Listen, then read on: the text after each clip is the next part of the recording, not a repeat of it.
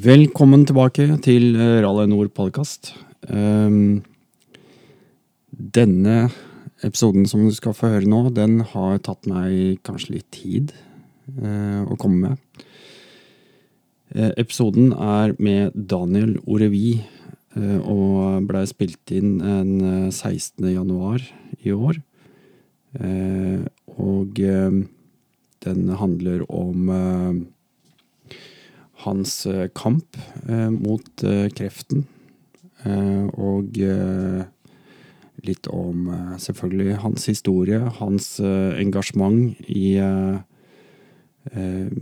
et prosjekt i Afrika som dreier seg om motorsykler og bruke motorsykler som transportmiddel for fødende kvinner. Uh, grunnen til at det blir litt tungt, er at eh, i eh, ettertiden så skulle det ikke gå mer enn eh, tre og en halv uke før Daniel omsider omkom av sin sykdom.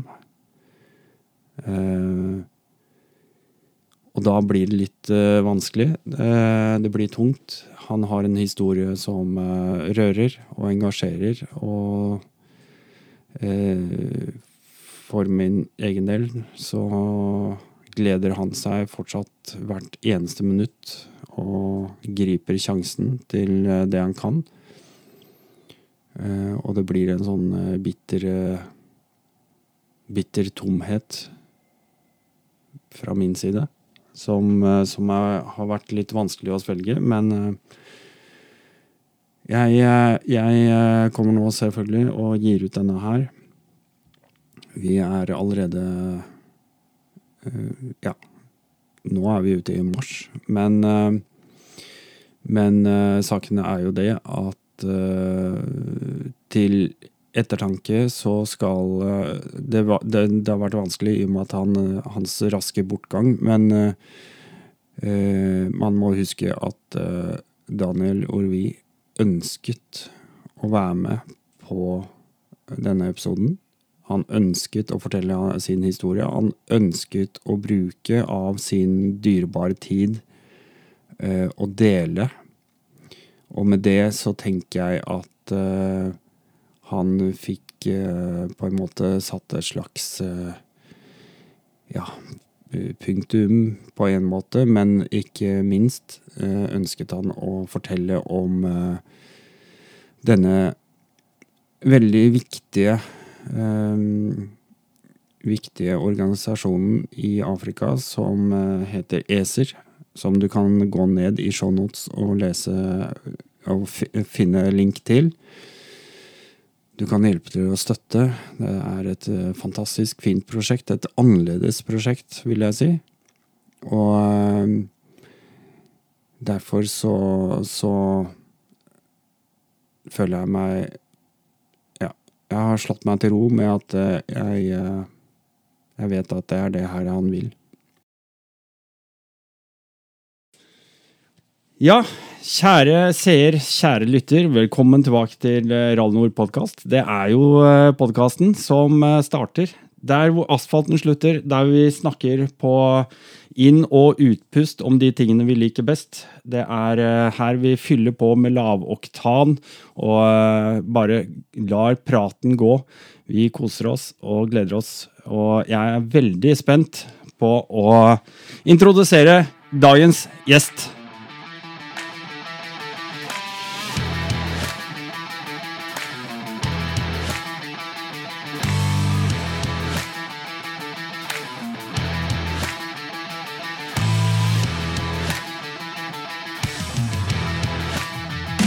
Det er altså sånn, dere, at uh, Rally Nord podkast ser ingen grenser. Vi uh, bryter ned barrierer stadig vekk, og nå har vi jo selvfølgelig beveget oss over til Sverige. Velkommen, Daniel Orevi. Takk så mye, Dennis. Veldig trivelig og rolig å få være med. Ja, Det er veldig gøy å ha deg med også, og, og jeg er sikker på at uh, dette her blir en veldig god god prat. Eh, jeg gleder meg veldig. Og eh, ja, hva skal jeg si? Jeg fikk eh, Dette her eh, var altså Anders Kulin. Det er da en felles bekjent av oss to som eh, sendte meg et eh, tips om at eh, du, det er mulig at jeg har en som, som du burde prate med. Eh, og jeg var litt sånn Ja, ja, nei.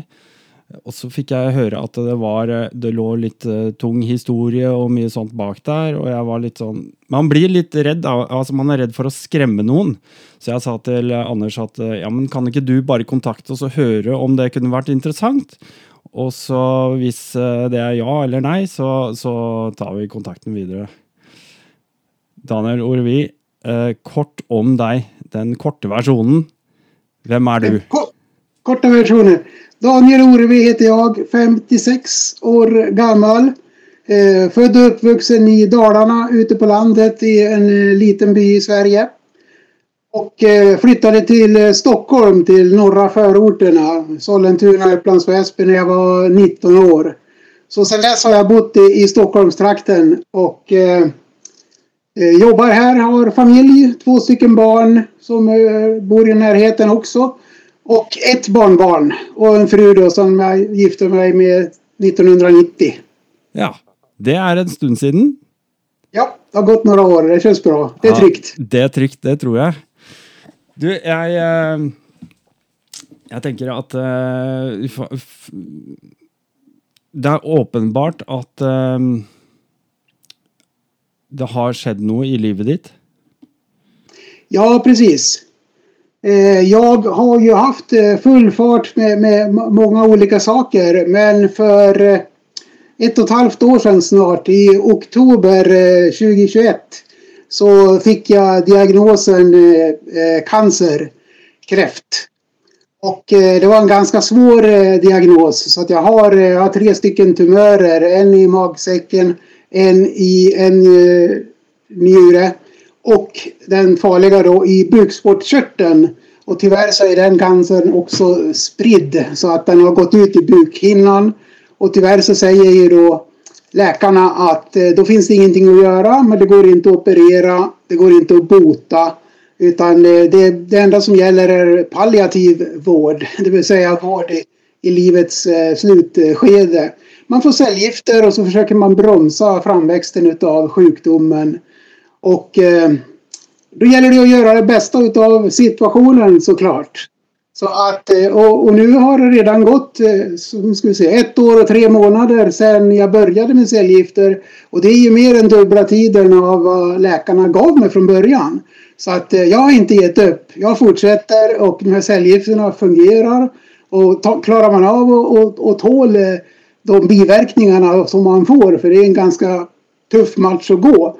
Men då kan livet ändå fortsätta så att eh, jag jobbar fortfarande på, på halvtid och eh, kan även vara ute och köra lite motorcykel även om saker har förändrats såklart. Så att eh, ja, det är en tuff kamp men eh, jag har inte på något sätt gett upp. Jag tänker hänga i så länge det bara går. Du virker som en väldigt sånn livsglad type. At du har mye sånn smil om munnen, du har eh, muntert humör och sånne ting. Eh, jag antar att det är till god hjälp? Ja, jo men det är det nog. Jag har alltid sett på livet med, med eh, glädje. Jag älskar att leva och eh, vill, har varit med och upplevt mycket saker. Jag har gjort mycket på min bucket list. Men eh, det är inte över än. Jag vill vara med länge, länge ännu och jag tänker göra allt som, som står i min makt för att förbättra chanserna att leva så länge som det bara går. Och jag tänker också att eh, under tiden så fortgår eh, forskningen och de hittar på nya rön hela tiden. Så rätt som det är så kommer de väl på någon lösning som kan förbättra prognosen även för, för min diagnos. Mm, mm. Du, la meg stille et spørsmål. Det er sånn at eh, Du är ju 56 år gammal. Eh, jag är inte så mycket yngre, jag är 48. Men det är ju sånn att eh, för min egen del så är ju eh, kreft eller cancer Det är ju noe som eh, etter hvert som man begynner å bli voksen, så begynner man å bli klar over det. Man ser at eh, mennesker rundt seg eh, sliter med det. Man, eh, man har kanskje venner, slekt, bekjente, eller hører stadig om det. Og det er klart at det er vanskelig å ikke tenke at oi, ja, det kan skje meg en dag så kan det hende at det er jeg som uh, råkar ut, som det heter, og, og, og, liksom får en diagnose. Var det något du tänkte, hade tänkt i förkant på den måten? Nej, det hade jag inte. Jag hade inte tänkt överhuvudtaget på att man skulle kunna drabbas no av någonting. Jag, jag hade en liten smäll för eh, eh fyra år sedan, 2018, eh, där jag fick problem med mitt hjärta. Och eh, jag hamnade på akuten med eh, det typiska eh, eh, tryck över bröstet och eh, det strålade ut i, i ena armen. Och, eh, och då förstod jag att då är det någonting med hjärtat. Och det slutade med att de, de la in mig direkt och eh, akut opererade de dubbel bypass. Så de skar upp bröstkorgen och tog fram hjärtat och, och satte på dubbel bypass på, på mig sommaren 2018. Och eh, det, det var ju en liten ja, en liten uppväckelse att man fick känna till att man var inte odödlig. Eh, men det gick bra och efter ett halvårs konvalescens på det så var jag fullt tillbaka och allting funkar och med lite medicinering så är det bara att leva vidare. Och, och från den punkten så tänkte jag bara att jag vill ännu mera uppleva livet. Men, men jag tänkte inte att jag kanske drabbas av en cancer och, och i det läget dessutom en, en dödlig cancer. Idag är ju cancer en diagnos där det finns väldigt mycket positivt Eh, att det är väldigt många eh, varianter som man kan bota och eh, förlänga livet länge på, på de patienterna. Att jag skulle få kanske den sämsta varianten, det, det var, fanns inte alls i min tanke. Nej. Hur tar man det den dagen man får en slik besked? Eh, och, så, och så ska man eh, gå hem till familjen och, och berätta?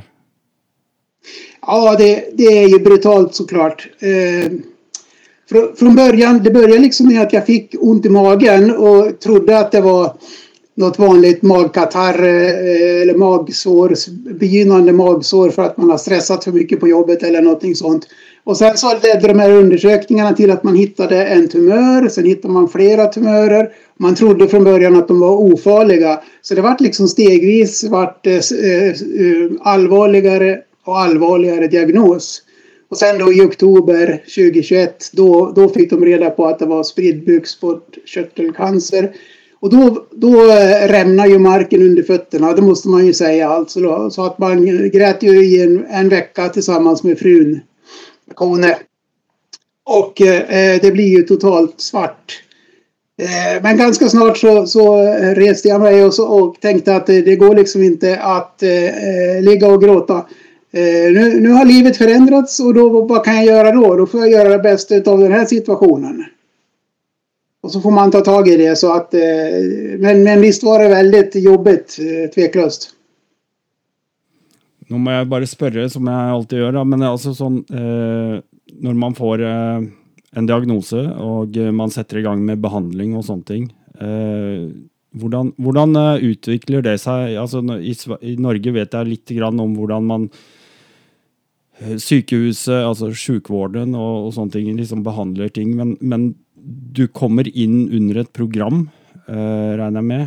Eh, och, hur hvordan är det det egentlig fungerer?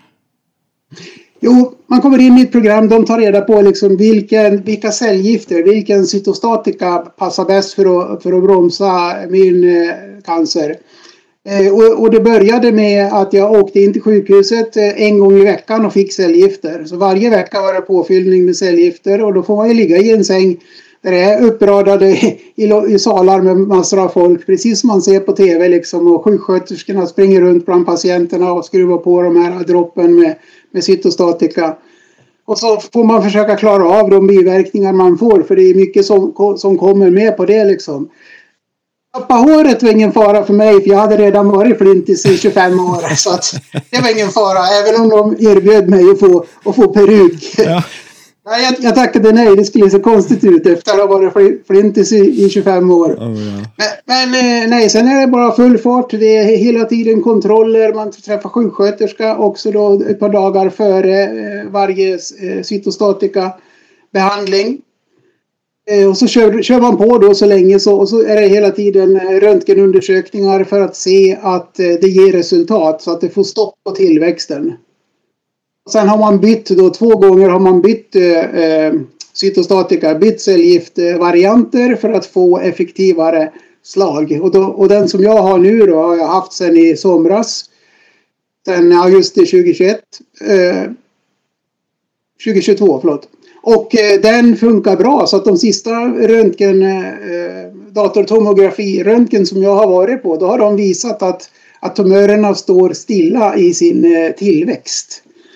Och, och, och, hela tiden mäter man samtidigt hur mår kroppen, man tar eh, blodvärden, alla typer av värden på, på, på kroppens organ. Och så ser man då att om, om kroppen fortsätter att eh, klara av det samtidigt som jag också orkar med de biverkningarna i form av illamående och trötthet och allt som, som följer med. Då fortsätter man med de eh, behandlingarna så länge som de gör verkan. Ja, det är fantastiskt. Det är gott att höra. Jag, ehm, eh, jag vet ju det, alltså nu snakket vi lite om Anders Kulin då. Eh, en liten shoutout till Anders Kulin och, och eh, Dalex S Adventure Service. Eh, var det genom Dalex S du blev känd med Anders, eller blev du känd med han genom på Dalarna på en eller annan måte, eller hur känner du Nej, det var med, det var med Dalex. Ja. Eh, han la ut eh, och erbjöd eh, turer. Och jag har ett eh, fritidshus då utanför Mora som är väl tre och en halv mil från där Anders bor, där han utgår ifrån. Så jag, jag anmälde mig till en av hans turer och eh, följde med då. Vi var ute och åkte tre dagar en helg och bodde i tält och, och, och i campingstuga. På, och körde grusväg så att eh, det var första gången jag träffade honom. Och sen, sen har vi hållit kontakt på sociala medier och på telefon. Och jag har följt med på flera turer också. Ja, det är väldigt kul. Men jag räknar med det. Jag beklagar, jag bara må dricka lite kaffe medan jag håller på. Men, eh, men jag, jag har lust att fråga. Eh, man finner jo ikke bare ut en dag at eh, man skal eh, i eh, en alder av 50 pluss sette seg på en motorsykkel og kjøre til Dalex S og være med på en adventure. Jeg regner med at din historie som motorsyklist den har begynt lenge før den tid. Kan ikke du ta oss ja, tilbake til ungdommen og, og, fortelle litt om hvordan det har starta? Ända sedan jag var liten pojk så, så började man ju läsa motorcykeltidningar man köpte moped. När jag var 16 år så tog jag motorcykelkörkort och eh, köpte en 125 och, eh, och sen dess har jag åkt motorcykel. Eh, det var uppehåll några år när jag hade två, två små barn hemma. Men det så har jag åkt mycket motorcykel genom alla år. Ja, är, och intressen den, den ökar ju självklart för att du kan ikke kjøre 125 eh, kubikk eh, resten av livet. Du må jo ekspandere. Og da vet jeg at det har vært eh, som i din garasje, som så mange andre garasjer, så har det etter hvert eh, fylltes opp eh, lite grann. Ja, precis. Nej, men jag har testat på de flesta typer av eh, motorcykelåkning och, och ofta samtidigt. Så har jag haft en tre, fyra, fem motorcyklar samtidigt. Och eh, på, på yngre år så var det ju mycket att man körde på, på gatan. Eh, och eh, så började jag köra på bana. Så jag har en gammal R1 som jag har haft, en Yamaha Sporttoy 1000 kubikare. Som jag har kört mycket på bana med. Med SMCs kurser och med California Superbike School har jag kört två gånger. Och eh, mycket sånt och det var jätteroligt men allt eftersom kroppen blir större och eh, tröttare så, så, har det gått eh, mera över till eh, både cruising, jag har haft eh, Yamaha Wildstar några år och bytte ut den till, till drömmen då en, en HD så jag åkte Harley Davidson Breakout. Mm. Eh, riktigt rolig hoj att åka runt i Stockholm med. öppna, öppna avgasrör. Och, eh, men sen grusåkningen har ju faktiskt varit det absolut roligaste. Så att jag har alltid åkt lite grus och på senare år så vart det ju en eh, KTM 690 Adventure äh, Enduro. Jag hade en 640 Adventure först. Men det var inte så roligt. Och sen bytte jag den mot en 690 Enduro. Det var jättekul. Men sen allt eftersom man kör längre och längre sträckor då så, så köpte jag en BMW 1250 GS. Eh, och eh, mycket grusvägsåkning. Så det, de sista åren har det varit eh, väldigt mycket grusvägskörning. Mm. Ja, Herlig. Apropos eh, R1 og baner og sånt. Nå, dere, I Sverige er dere jo litt mer velsignet med baner og, og muligheter for å drive med motorsport enn i Norge. Ja. Er det sånn at du hadde en lokal bane i närheten som du har kört på? da, eller? Eh, nej, tyvärr inte. Det är, då- det är dåligt i Stockholm. Så att det, det, man får åka med släpvagn och ta med hojen och utrustningen. Och åka till Gelleråsen i Karlskoga eller eh, Linköping eller ja, vad heter alla banor? Kinnekulle och, eh, och olika. Ja, men det er bra muligheter. Ja, Hva, var det eh, Jeg tenkte på Når du kjøpte, når du kjøpte den 690-en, når var det? Husker du hvilket årstall det var? sånn cirka? Eh, Nu ska vi se, det var en 2015 som jag väl köpte kanske 18, 17, 2017 var det nog. Ah, ok, ok. ok. Ha- Hade jag den fram till 2020, då köpte jag 1250 GSen. Mm. Vi må komme inn på det. Eh, vi skal holde ved den akkurat. Men, eh, men du har jo du har jo også hatt en, eh, en eh, yrkeskarriere opp igjennom. Jeg, eh, du blei jo lagt inn og operert, hjerteoperert. og, og det er jo fort gjort å tenke på litt sånn stress og u... hva skal jeg si? Um, dårlig Altså livsstil, da. Livsstilsproblemer, kanskje. Eh, I forbindelse med jobb så har du jo eh, hatt et voldsomt trykk. Ja, men det har jag haft. Precis. Jag har ju gans, I ganska unga år så vart jag ju eh, chef och ansvarig på mina arbeten så jag har alltid haft mycket personal. Och eh, 2005 då, då vart jag egen företagare där jag har ett par kompisar som hade ett företag. Industriverktyg IDG Tools AB. Och eh, då köpte jag in mig och vart en av delägarna i IDG Tools. Och eh, Sen 2005 då så har jag varit med då som vice VD i det bolaget och drivit det. Och vi har ju då försäljning utav eh, verktyg och maskiner med såna här rullande utställningsbussar. Så en säljkår som åker runt och, och besöker företag. Besöker verkstäder, små industrier, lantbrukare, olika företag som jobbar med verktyg och maskiner och så, och så säljer man. Jag har ett dotterbolag i Norge också som heter Industriverktöj IDG Tools AB. AS. Ja. Så att det har varit 80 anställda i Sverige och jag tror vi är ungefär 30 anställda i Norge. Ja, det är ett till bolag bredvid som heter Industrigrossisten Proman AB. Samma typ av affärsidé med, med säljare som åker runt i bussar men då säljer man arbetskläder och personlig skyddsutrustning. Så att totalt blir det ganska mycket då. Och så har vi ett stort lager i norra Stockholm i, i Rosersberg. Eh, där vi är 40 anställda då som sköter hand om lagerhantering och eh, kontor och inköp och ekonomi och alla sådana saker. Så jag har suttit på, på kontoret i Rosersberg och varit ansvarig för hela den driften. Mm. Men när man har en sån eh, stressande jobb, så, så är man ju nødt att koppla koble av lite innimellom. Man kan ju inte eh, jobba 24-7. Det, det er jo ikke akkurat en livsstil de fleste har lyst til å ha, i hvert fall. Eh, Precis. Så du må jo kjøre litt motorsykkel, og jeg vet at du har vært ute og reist en del. Du har vært på en del turer. Ja, men visst. Det har varit mitt, eh, ett av mina viktiga andningshål är att åka iväg på, på resor och göra olika roliga saker. Och på sommarhalvåret så har jag och varit med motorcyklar och på, på vintern har det varit mycket med snöskotrar. Så att eh, ta sig iväg på sådana resor och eh, då är det ju, kan, kan det ju vara väldigt hårt eh, intensivt fysiskt för du är igång hela dagarna och du jobbar hårt. Men du får koppla av med, med, med skallen, med tankarna och det är där du får eh, rekreationen du behöver för att klara av sånt som gör att man blir stressad. För det, det är oftast inte det fysiska arbetet utan det är pressen som man upplever i vardagen på, på eh, jobbet.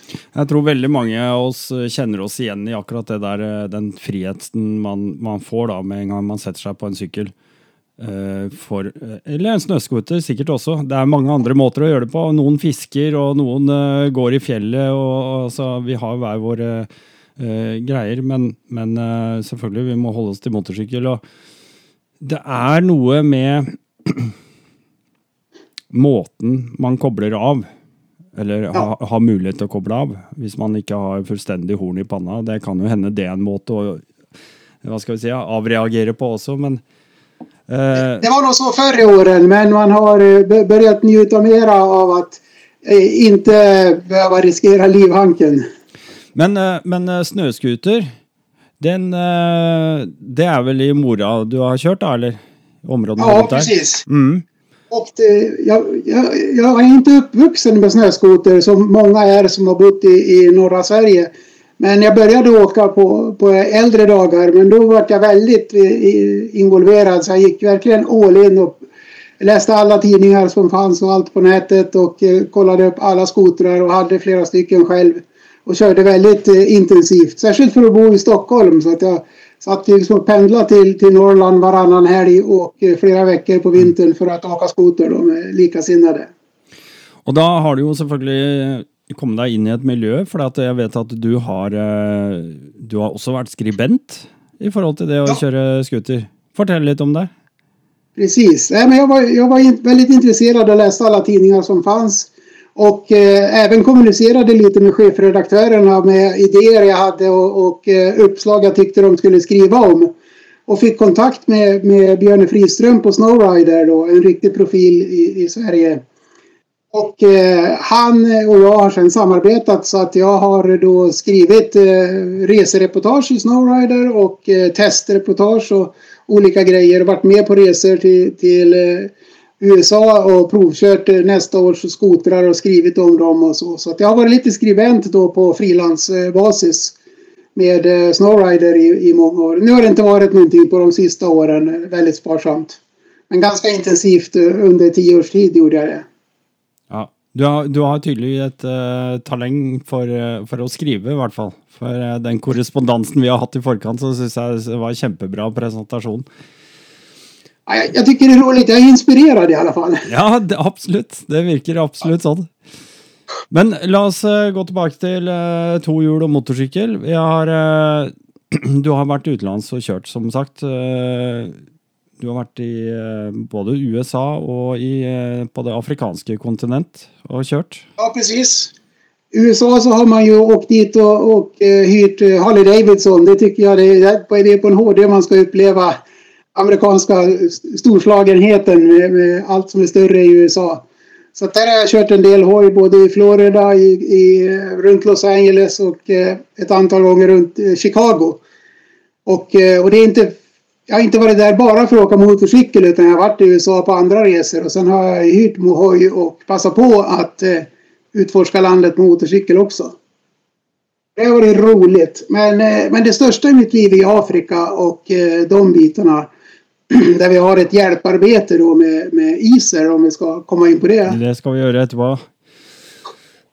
Ja, det skal vi. Ja.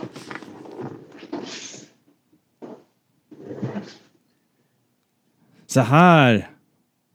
ISER, Bikes Save Lives. Det här var en, en eh, t-shirt man kunde köpa på 24MX eh, webbshoppen. Vi gjorde ett samarbete med dem och de stöttar vårt arbete då som heter ISER.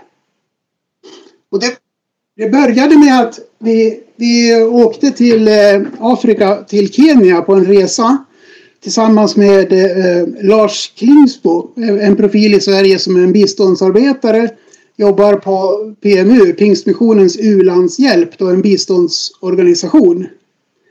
Och han gjorde en, en resa till Kenya där vi skulle åka runt och titta på ett projekt ute i byarna på landsbygden bland massajerna. Där man jobbade mot kvinnlig könsstympning. Det här är också ett tungt område. Skal vi ta og oversette den til norsk, bare? Det er da på norsk eh, det samme som kjønnslemlestelse. Bare så det Ja. Ordene er litt ulike. Mm. Just det. FGM heter det på engelska. Female Genital Mutilation. Eh, och det är en gammal sedvänja som, vänja som håller på att försvinna men det finns fortfarande kvar och det får väl hemska konsekvenser för unga flickor. Så att eh, det, det, vi åkte runt i byarna och på motorcyklar och pratade om det här för att få stopp på det.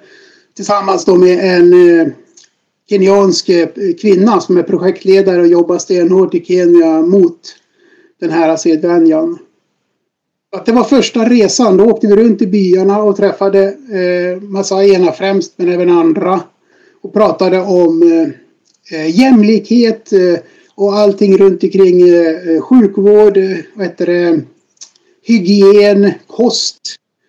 Sådana saker som kan förbättra möjligheterna för dem att, att eh, växa upp och, och bli vuxna och, och eh, motverka sjukdomar och eh, eh, få ner mödradödligheten då för att den här stympningen gör att det blir problem när de ska föda barn. Och sen när de då föder barn så är de i sina hyddor eller sina små skjul i byarna som kan vara ganska långt ifrån eh, sjukhus eller klinik. Och så blir det bråttom och problem och så hinner de inte ta sig till kliniken. Och så, och så överlever de inte helt enkelt utan de, de dör då i förlossningen. Och det är väldigt dåliga sådana tal i eh, Kenya bland annat. Och det var det som vi ville jobba emot.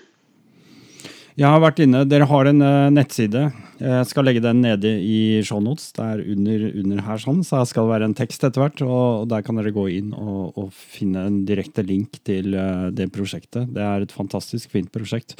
Kan du inte säga lite om eh, uh, vad, vad tanken är? Du snakker, vi snackar ju då om eh, forebyggende tiltak da, ikke sant? for å unngå ja, eh, både dette med kjønnslemlestelse og motar motarbeide det på en måte, men, men eh, også da unngå dødeligheten eh, ja. for disse kvinnene. Hvordan er det dere har tenkt, eller hvordan har ESER tenkt at uh, man skal gjøre det her? Ja, vi tittade på, på det här och pratade med folk där nere och, och frå, intervjuade dem. Vad, vad är ert problem?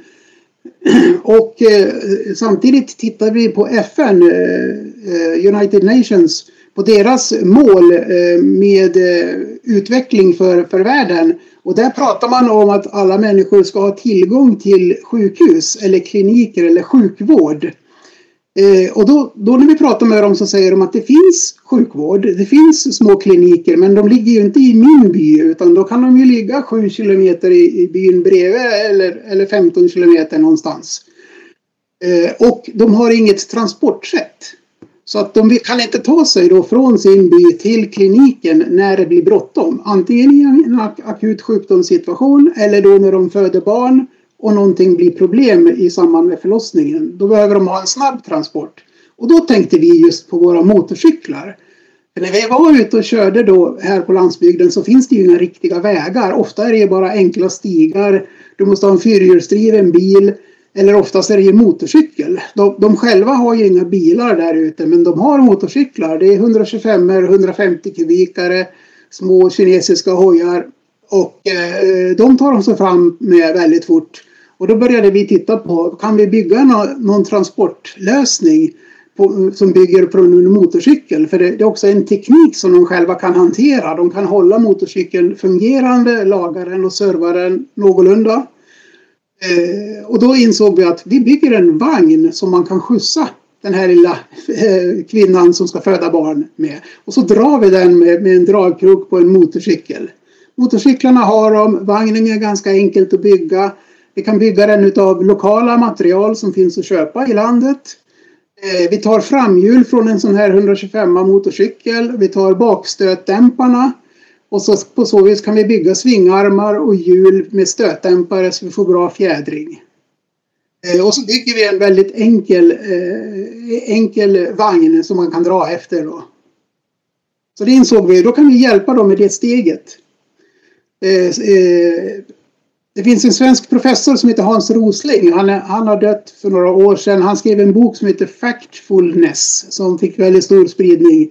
Där han beskriver världen som den är. Och han tar bland annat upp det här just med att det finns, det finns kliniker och sjukhus runt om i, i eh, fattiga länder. Men de är inte till så stor hjälp om inte människorna har ett transportsätt att ta sig till sjukhuset när det är bråttom. Så då hittar vi den lilla eh, pusselbiten i, i kedjan då att se till att alla ska få sjukvård. Så den har vi fortsatt med. Så att I dagsläget har vi placerat ut över 50 stycken sådana här ekipage, då, vagn med motorcykel. I Kenya, Tanzania, eh, Burundi, Chad, Burkina Faso och Somalia. Og ettersom jeg skjønte da, så er det litt sånn de, Alle disse forskjellige organisasjonene, eller under hva skal jeg si, ja, disse stedene de, de, har en sånn vogn for å prøve ut og komme med tilbakemeldinger på om det var ting de ville ha endret, eller, og sånne ting. Så dere finner stadig bedre løsninger for hvordan denne skal konstrueres og lages? Er det sånn? Precis. Vi har en utveckling hela tiden där vi utgår från grundkonceptet. Och samtidigt som vi gör det här så vill vi ju köra motorcykel och, och ha roligt. ja. Så att vi, vi organiserar hela tiden resor då ner där vi utgår från Kenya men även åker in i, i andra länder. Eh, och tar med oss folk som får köra motorcykel och så besöker då de här byarna där vi har placerat ut vagnar. Både att placera ut eh, vagnar på nya ställen som vi börjar med och sen då besöka de som har fått vagnar förut och eh, följer upp så att det fungerar. Lagar det som kan ha gått sönder om de inte har gjort det själva. Och, och så får vi träffa då mammor som har fött barn efter att de har fått skjuts i vagnen till kliniken. Och de är ju då otroligt tacksamma. Så att få, få krama om de här barnen som vi kallar då för iserbebisar det är ju en fantastisk upplevelse på djupet, alltså i hjärtat, som gör att det, man känner att det här fungerar och det gör nytta. Är det det med att, att ta emot uh, gäster, är det en slags finansieringsmodell? Ja, det är det absolut. Ja, ja. Så att man får betala ganska bra för att följa med på den här resan. Men då, då eh, står vi för allting all inclusive och vi har motorcyklar på plats där nere. Och sen då försöker vi alltid att det ska bli ett överskott av resan och då går det in i nästa projekt. Jeg syns det er et herlig, fantastisk konsept, og, og, og, liksom en helt annen måte å tenke på eh, en slags nødhjelpsvariant. da. Altså en helt annen eh, måte å gjøre ting på. Syns det er en fantastisk tanke. Ja. ja, det är det. Och vi får väldigt bra eh, betyg. Alla som följer med på de här resorna får så mycket upplevelser. Både fantastisk motorcykelkörning där du ser vilda djur bredvid vägen när du är ute och åker. Och, men framförallt mötena med människorna ute i byarna som, som sätter djupa spår. Så det är många som kommer hem efteråt och sen vill de engagera sig och man gör sin egen insamling och ofta är man med i en motorcykelförening eller en klubb. Och då kan man göra en tur med klubben och samla in pengar och, och skänka då till Isers eh, verksamhet och berätta, berätta om sin egen upplevelse. Så det, många sådana kontakter som blir efter, det, efter en sån resa. Ja, fantastisk. Jag måste säga det som en liten digression. Jag var, eh, jag var i Gambia i, på västkusten av Afrika i, eh, for för många, många år sedan. Dette var eh, i slutet av 80-talet. Eh, hvor jag var på en, en sånn utflukt, och, og, där kom vi till en liten fiskelandsby. Eh, og, og der var det, og det, Afrika er veldig sånn spesielt i forhold til lys. For at enten så er det veldig mye lys, altså sollys, eller så er det plutselig i løpet av 15 minutter så er det helt mørkt. Det er, det er, noe, det er akkurat som å skru av en lysbryter. Det er veldig rart. Men vi kom da inn til denne landsbyen. Da, det, da hadde det blitt mørkt, og det var uh, et bål, og der var det de hadde fyra på en liten eld, da, som det heter. Og, og så var det masse voksne som, og barn som drev og dansa og eh, hadde et slags ritual. Og vi, eh, denne guiden kunne da fortelle at eh, det, det var en stråhytte som var altså, Vi snakket tre meter ved siden av. Det var rett ved siden av. Det var, der inne så lå det en og det kan vi ikke kalle en kvinne, jeg vil kalle det et barn. Hun var bare 14 år, og hun var under fødsel. Og det, sånne ting setter veldig inntrykk. Eh, jeg tenker at når man kan hjelpe mennesker i sånne situasjoner, og vi snakker om dette her, som du sier, da, dette med hygiene og alle ting Et lite barn som ligger og føder og skal bli mor, det er, det er det er nesten en ulykke, og, og, samtidig så er det jo så nært Det er en realitet. Det er millioner av mennesker som blir født eller opplever å føde på den måten her i løpet av et år. Så veldig, veldig viktig prosjekt. Jeg syns det var veldig fint. Uh, ESER, det skal, vi, det skal vi ta til oss. Kjempebra. Ikke bra. Du, um, hvor skal vi gå? Har, eh, du, du, du, har jo tydelig jobba i ESER. Du, sitter, eh, du har sittet i styret. Ja, precis. Vi, vi började och jobbade och byggde första prototypen. Och eh, sen så startade vi både ett företag och en eh, ideell förening.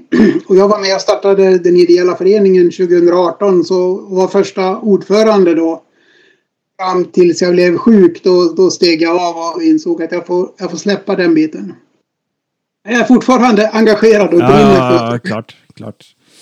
Väldigt bra. Du, um, akkurat der, nå kommer vi jo tilbake. Nå er vi jo inne i realiteten. Du har fått uh, uh, Du har fått din sykdom. Uh, du, du, I utgangspunktet fikk du seks måneder.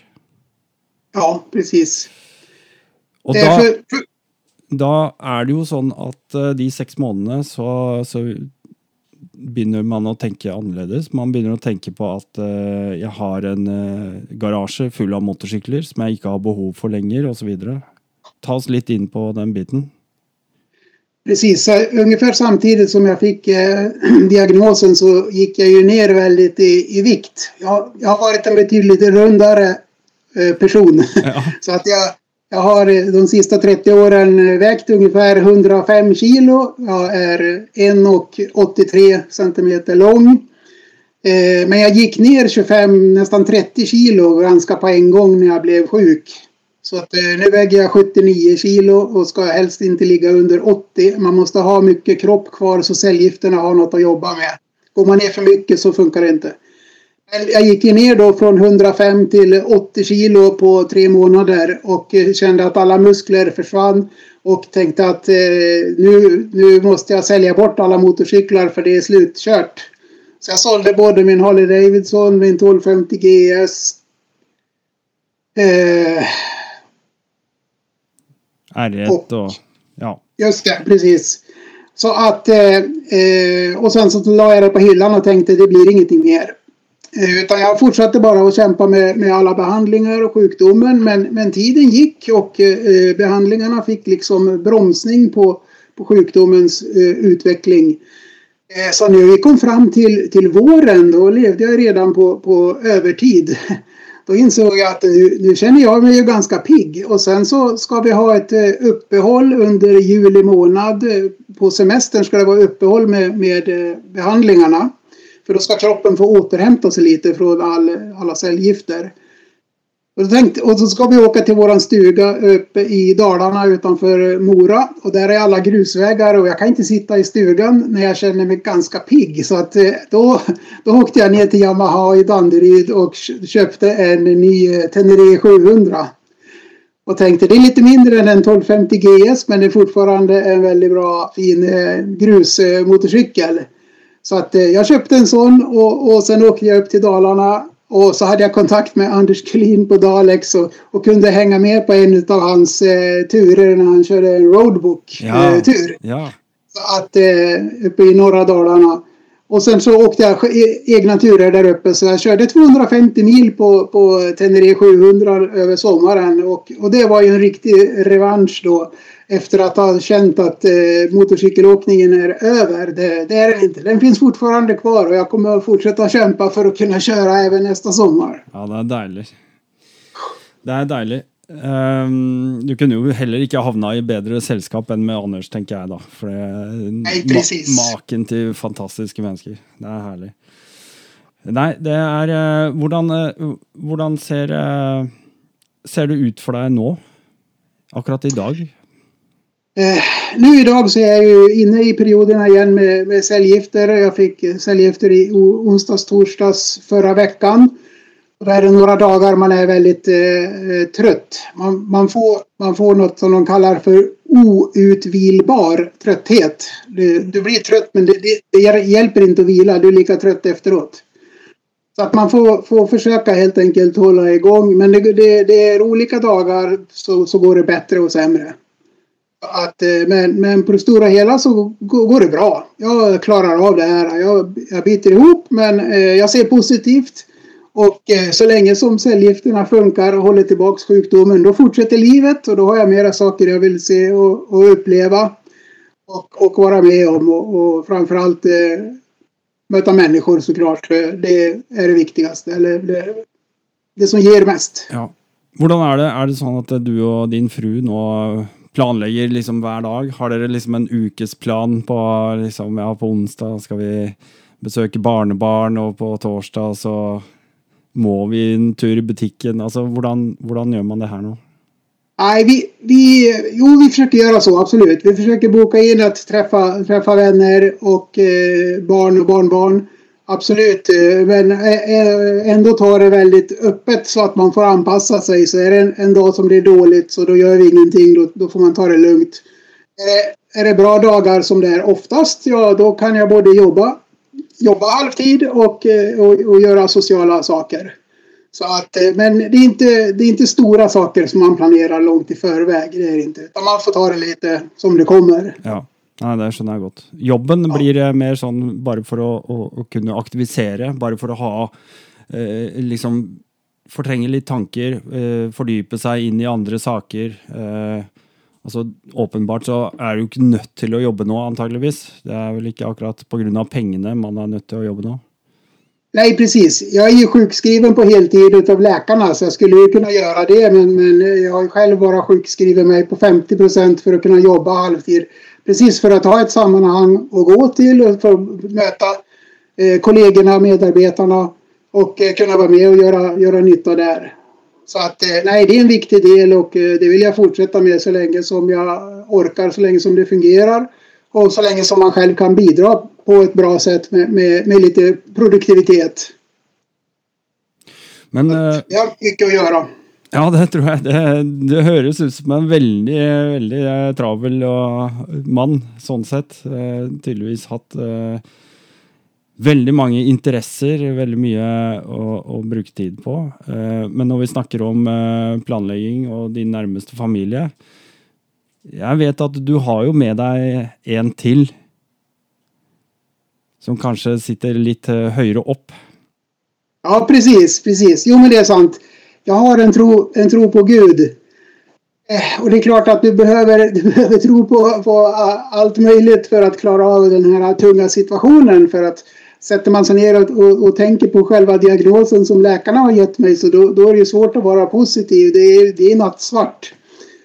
Men, men eh, jag har en, en grundtro på Gud och jag tror att det, det finns en, en, en, makt som är eh, större än, än oss och vad vi kan Eh, göra och tänka. Och, och, att den är på något sätt är med och eh, bär mig eller hjälper mig i den här svåra situationen. Och jag önskar ju att jag ska bli helt frisk. Bli kvitt den här sjukdomen totalt och kunna få tillbaka all styrka och kraft.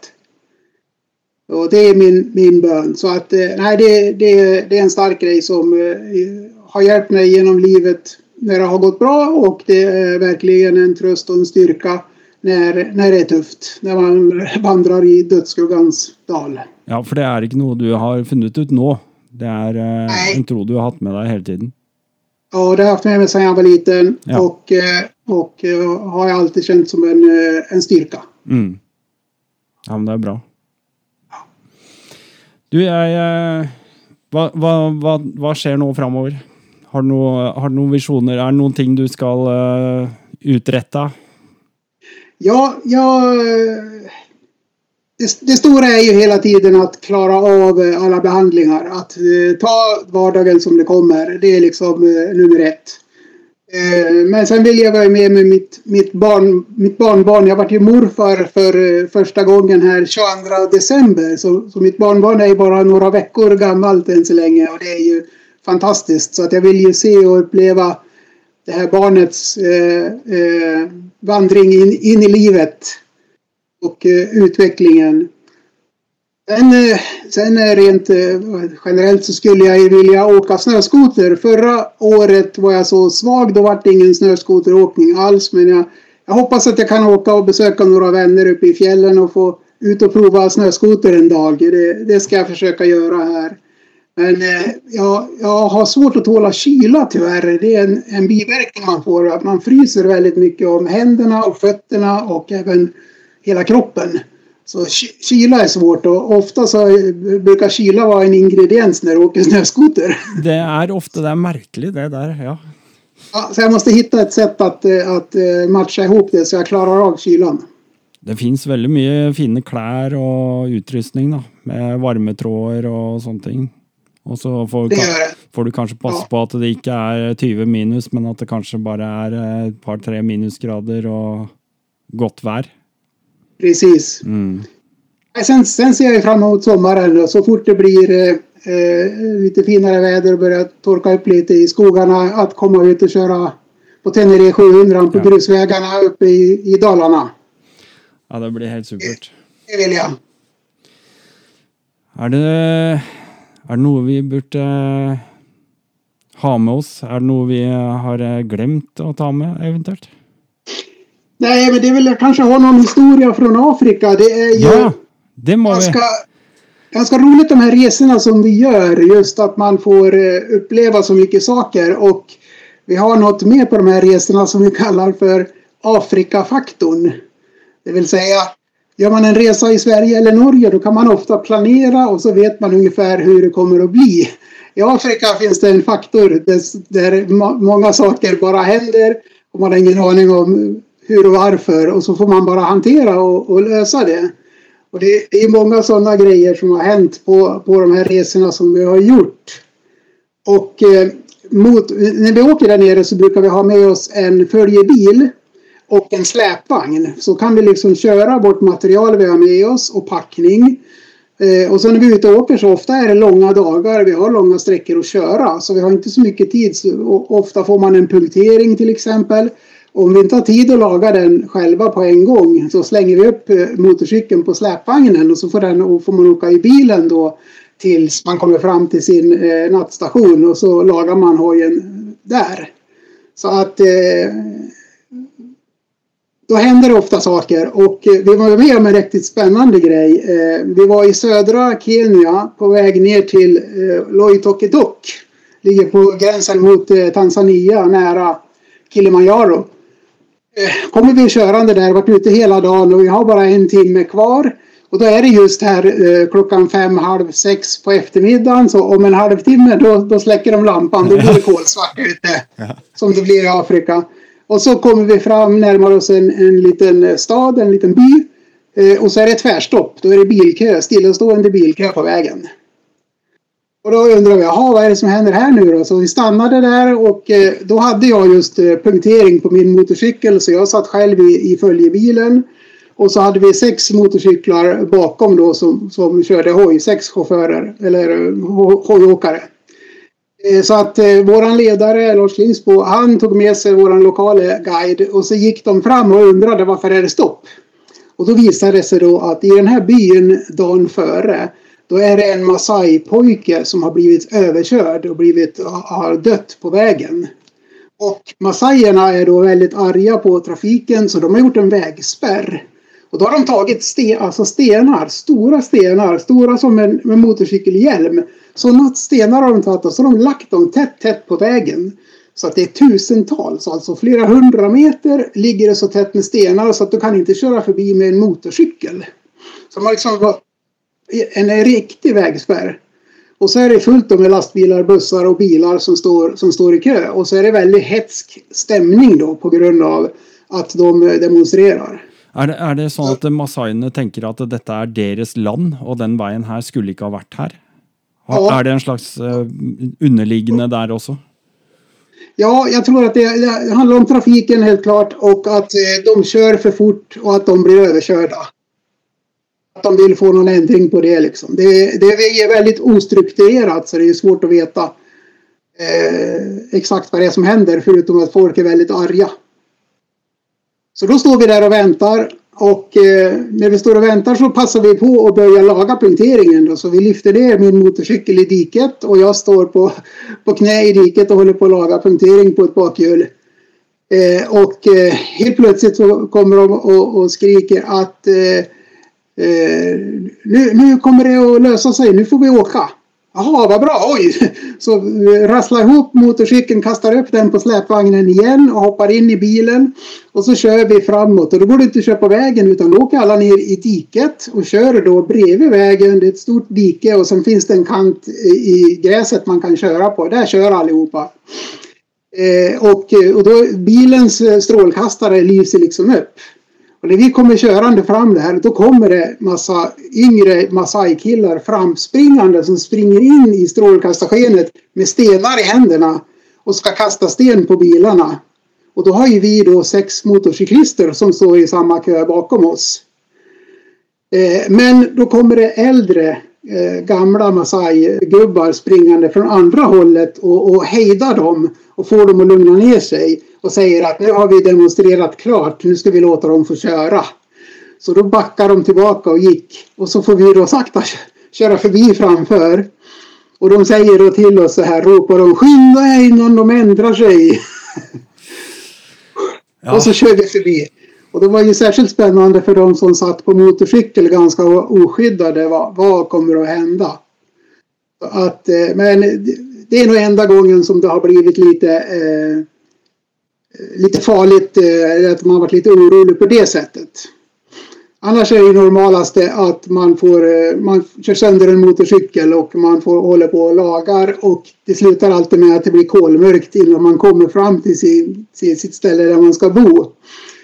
Och att eh, eh, en gång när vi åkte på, på eh, Mombasavägen, det finns en jättestor väg som går från Mombasa nere vid kusten upp till Nairobi då, i, mitt inne i, i Kenya. Ungefär 50 mil, 500 kilometer. Och den här kallar de för dödens väg för det händer så mycket olyckor på den. Och det är en stor fin asfaltsväg men, men eh, ibland är det stora hål mitt i vägen och eh, det är väldigt, väldigt mycket trafik. Lastbilar och bussar kör ju långt över 100 kilometer i timmen. Och sen är de fullastade och så går de i 30 kilometer i uppförsbackarna. Så det är extremt olika hela tiden. Och som, som motorcyklist då kör du ju överallt. Du kör på vägrenen, du kör om på vänster sida, på höger sida, där det finns plats.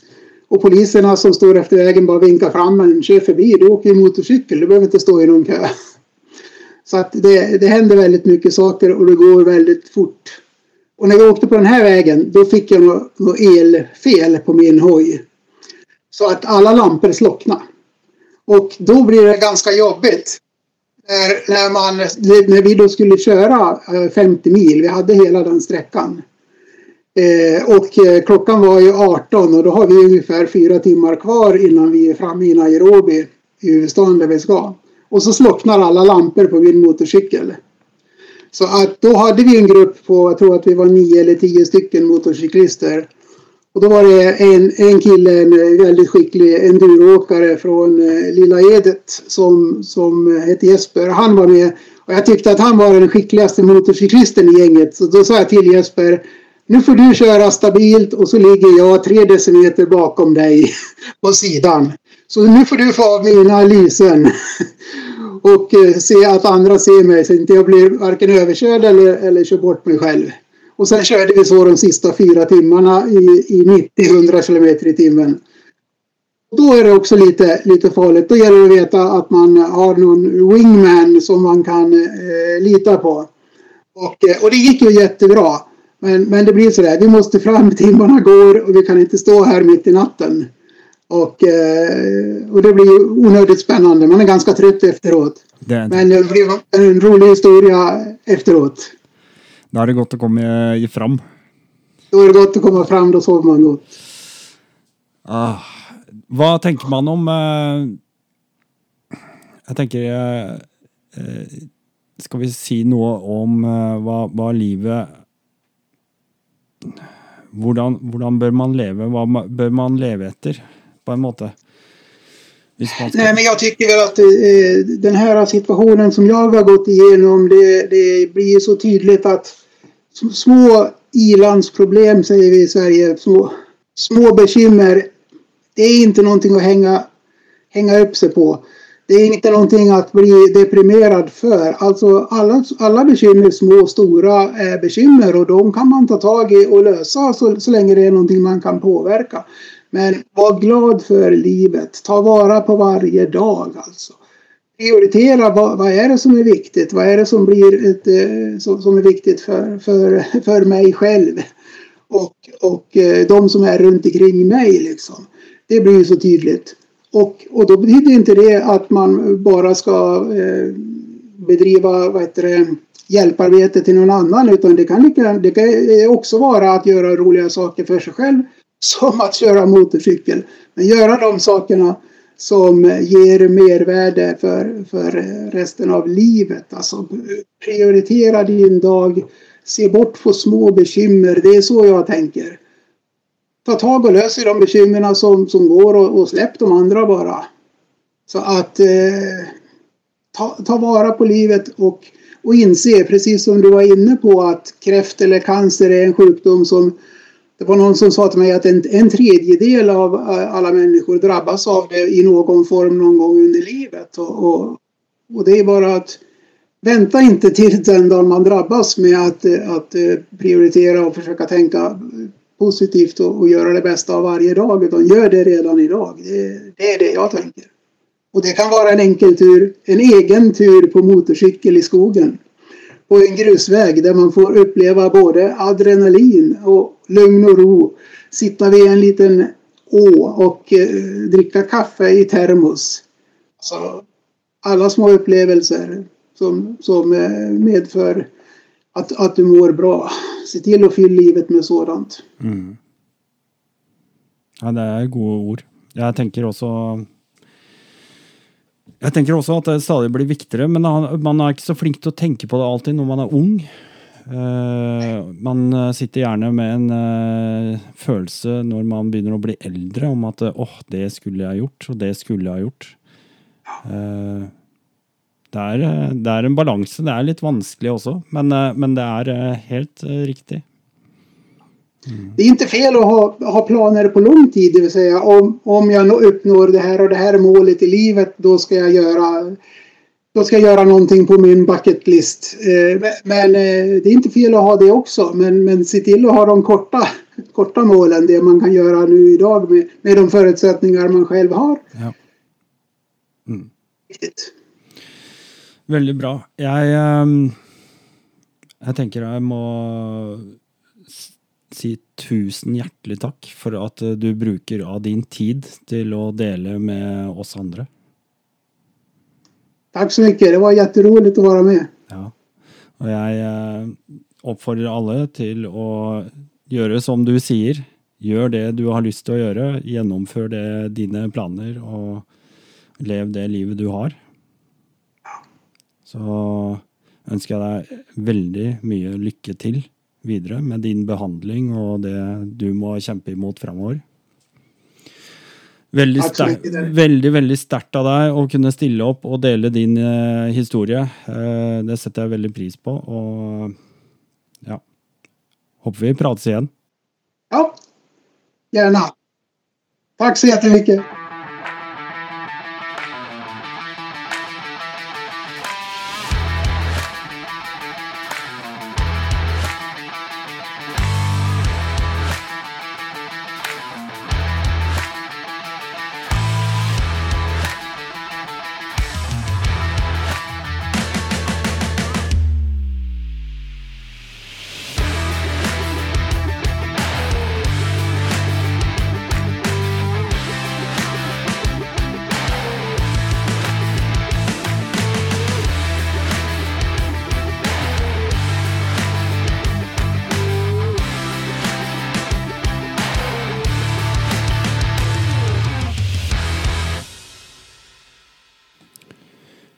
Håper jeg virkelig at uh, du har hatt en uh, god lytteropplevelse nok en gang her på Rall Nord podkast.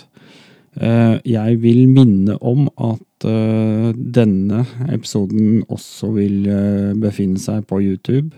Om ikke akkurat med en gang, så etter hvert. Følg med på YouTube-kanalen. Det er Rally Nord sin YouTube-kanal. Du finner link nede i shownotes. Og så vil jeg selvfølgelig få lov til eh, å gjøre noe som jeg ikke har gjort på lenge. Men eh, det er sånn at eh, denne podkasten hadde ikke vært til foruten mine patrons. Og takket være dem så kan jeg levere dette her med jevne mellomrom. Eh, jeg ønsker å, å, takke dem og på den måten prøve å gi noe tilbake. Vi får et, uh, Rally Nord Patrions-treff det kommer opp snart. Det er uh, i uh, begynnelsen av juni. 8. til 11. juni. På Stange. Det gleder jeg meg skikkelig til. Det er både av og for patrons. Eh, så de er hjertelig velkomne. Alle som er patrients, de har, kan bare møte opp. Og jeg gleder meg skikkelig til eh, årets eh, utgave av det. Eh, minner om alle disse tingene. Patrients pod, eh, Discord, klistremerker. You name it. Vi prøver å gi noe tilbake til eh, dette samfunnet vi liker så godt. Eh, og så Eh, ja. Helt eh, sånn som eh, det pleide å være. Det begynner å bli ganske mange navn på lista. Eh, tror faktisk vi er på Kan det være 37 stykker? Derfor så leser jeg dem opp sånn som uh, seg hør og bør, høytidelig og takker. Jeg vil takke Anders, Dalex S, altså. Annar, Bent, Bjørn Inge, Einar, Eirik og Eirik. Det er to stykker her. Elias, Espen og Espen. Det er en dobbel Espen også. Så er det Frank, Frode, Pierre André og Funduro.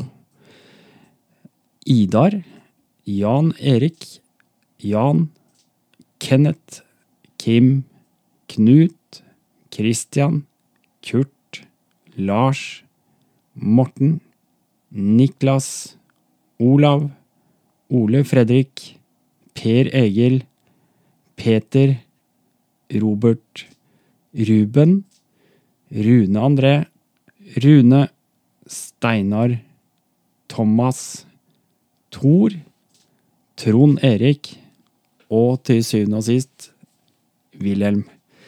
Det er plass til flere på den lista, dere. Eh, har du lyst til å være med og støtte denne podkasten, så be my guest. Du finner altså link til Patreon i eh, shownotes. Jeg vil bare presisere. Eh, for noen det er det enkelt, og for andre så har de altså syns at det er veldig vanskelig. Eh, jeg vet ikke Det er lenge siden jeg har vært patron, eller jeg er jo patrons eh, av andre, jeg også. Men eh, det, er, det er lenge siden jeg har eh, gått inn og registrert meg og laget meg et sånn egen konto på Patron, men det skal jo absolutt la seg gjøre. Det er bare å ta et eh, minutt av gangen. Og flere av de på den lista jeg leste opp nå, de har faktisk eh, gitt meg tilbakemeldinger på at jeg hadde tenkt til for seks måneder siden osv. så. Men, og så går tida og går tida. Nå er det kanskje tida, da. Fordi at eh, Ja, du har jo kanskje ikke tatt ut sykkelen. Alle har jo ikke gjort det enda. Så du har tid. eh, og ikke minst, du kan også få lov til å være med på RMP-treffet. Avslutningsvis, eh, akkurat nå er det eh, for meg onsdag eh, 1. mars. Det vil si at det er to dager igjen til det braker løs på Lillestrøm-messa. Eh, MC-messa på Lillestrøm, vil jeg merke, heter det. Eh, jeg kommer til å befinne meg på eh, Twinpegs-standen eh, til eh, Kai Ingvald Flatland. Der kommer det til å være stilt ut eh, masse kule sykler, og med diverse forskjellige Twinpegs Pegs eh, til de. Eh, stikk innom og si hei og hils og i det hele tatt ta en prat. Jeg gleder meg skikkelig i hvert fall til messa, og dette her er jo sånn åh, nå har vi, vi glemt det, eller vi måtte hoppe over i fjor pga. covid. Nå er den tilbake igjen, og jeg gleder meg skikkelig. Og ehm, ja. For de som er nysgjerrig på Twinpace, stikk bortom. Og for de som også har lyst til å prate med meg og slå en prat, har du et tips til noen jeg bør prate med, eller kanskje jeg rett og slett bør prate med deg? Det kan jo hende. Det er liksom ikke alle som vet det, men det er veldig mange som har mye interessant å komme med. Eh, så Stikk bortom. Gjør det, for all del. Um, avslutningsvis uh, Støtt uh, ACER. ACER. Det du hørte om nå i dag. Daniel Orvi. Um, vi skal ikke glemme det. Vi skal ikke glemme det. Ok. Until next time. Shalabais.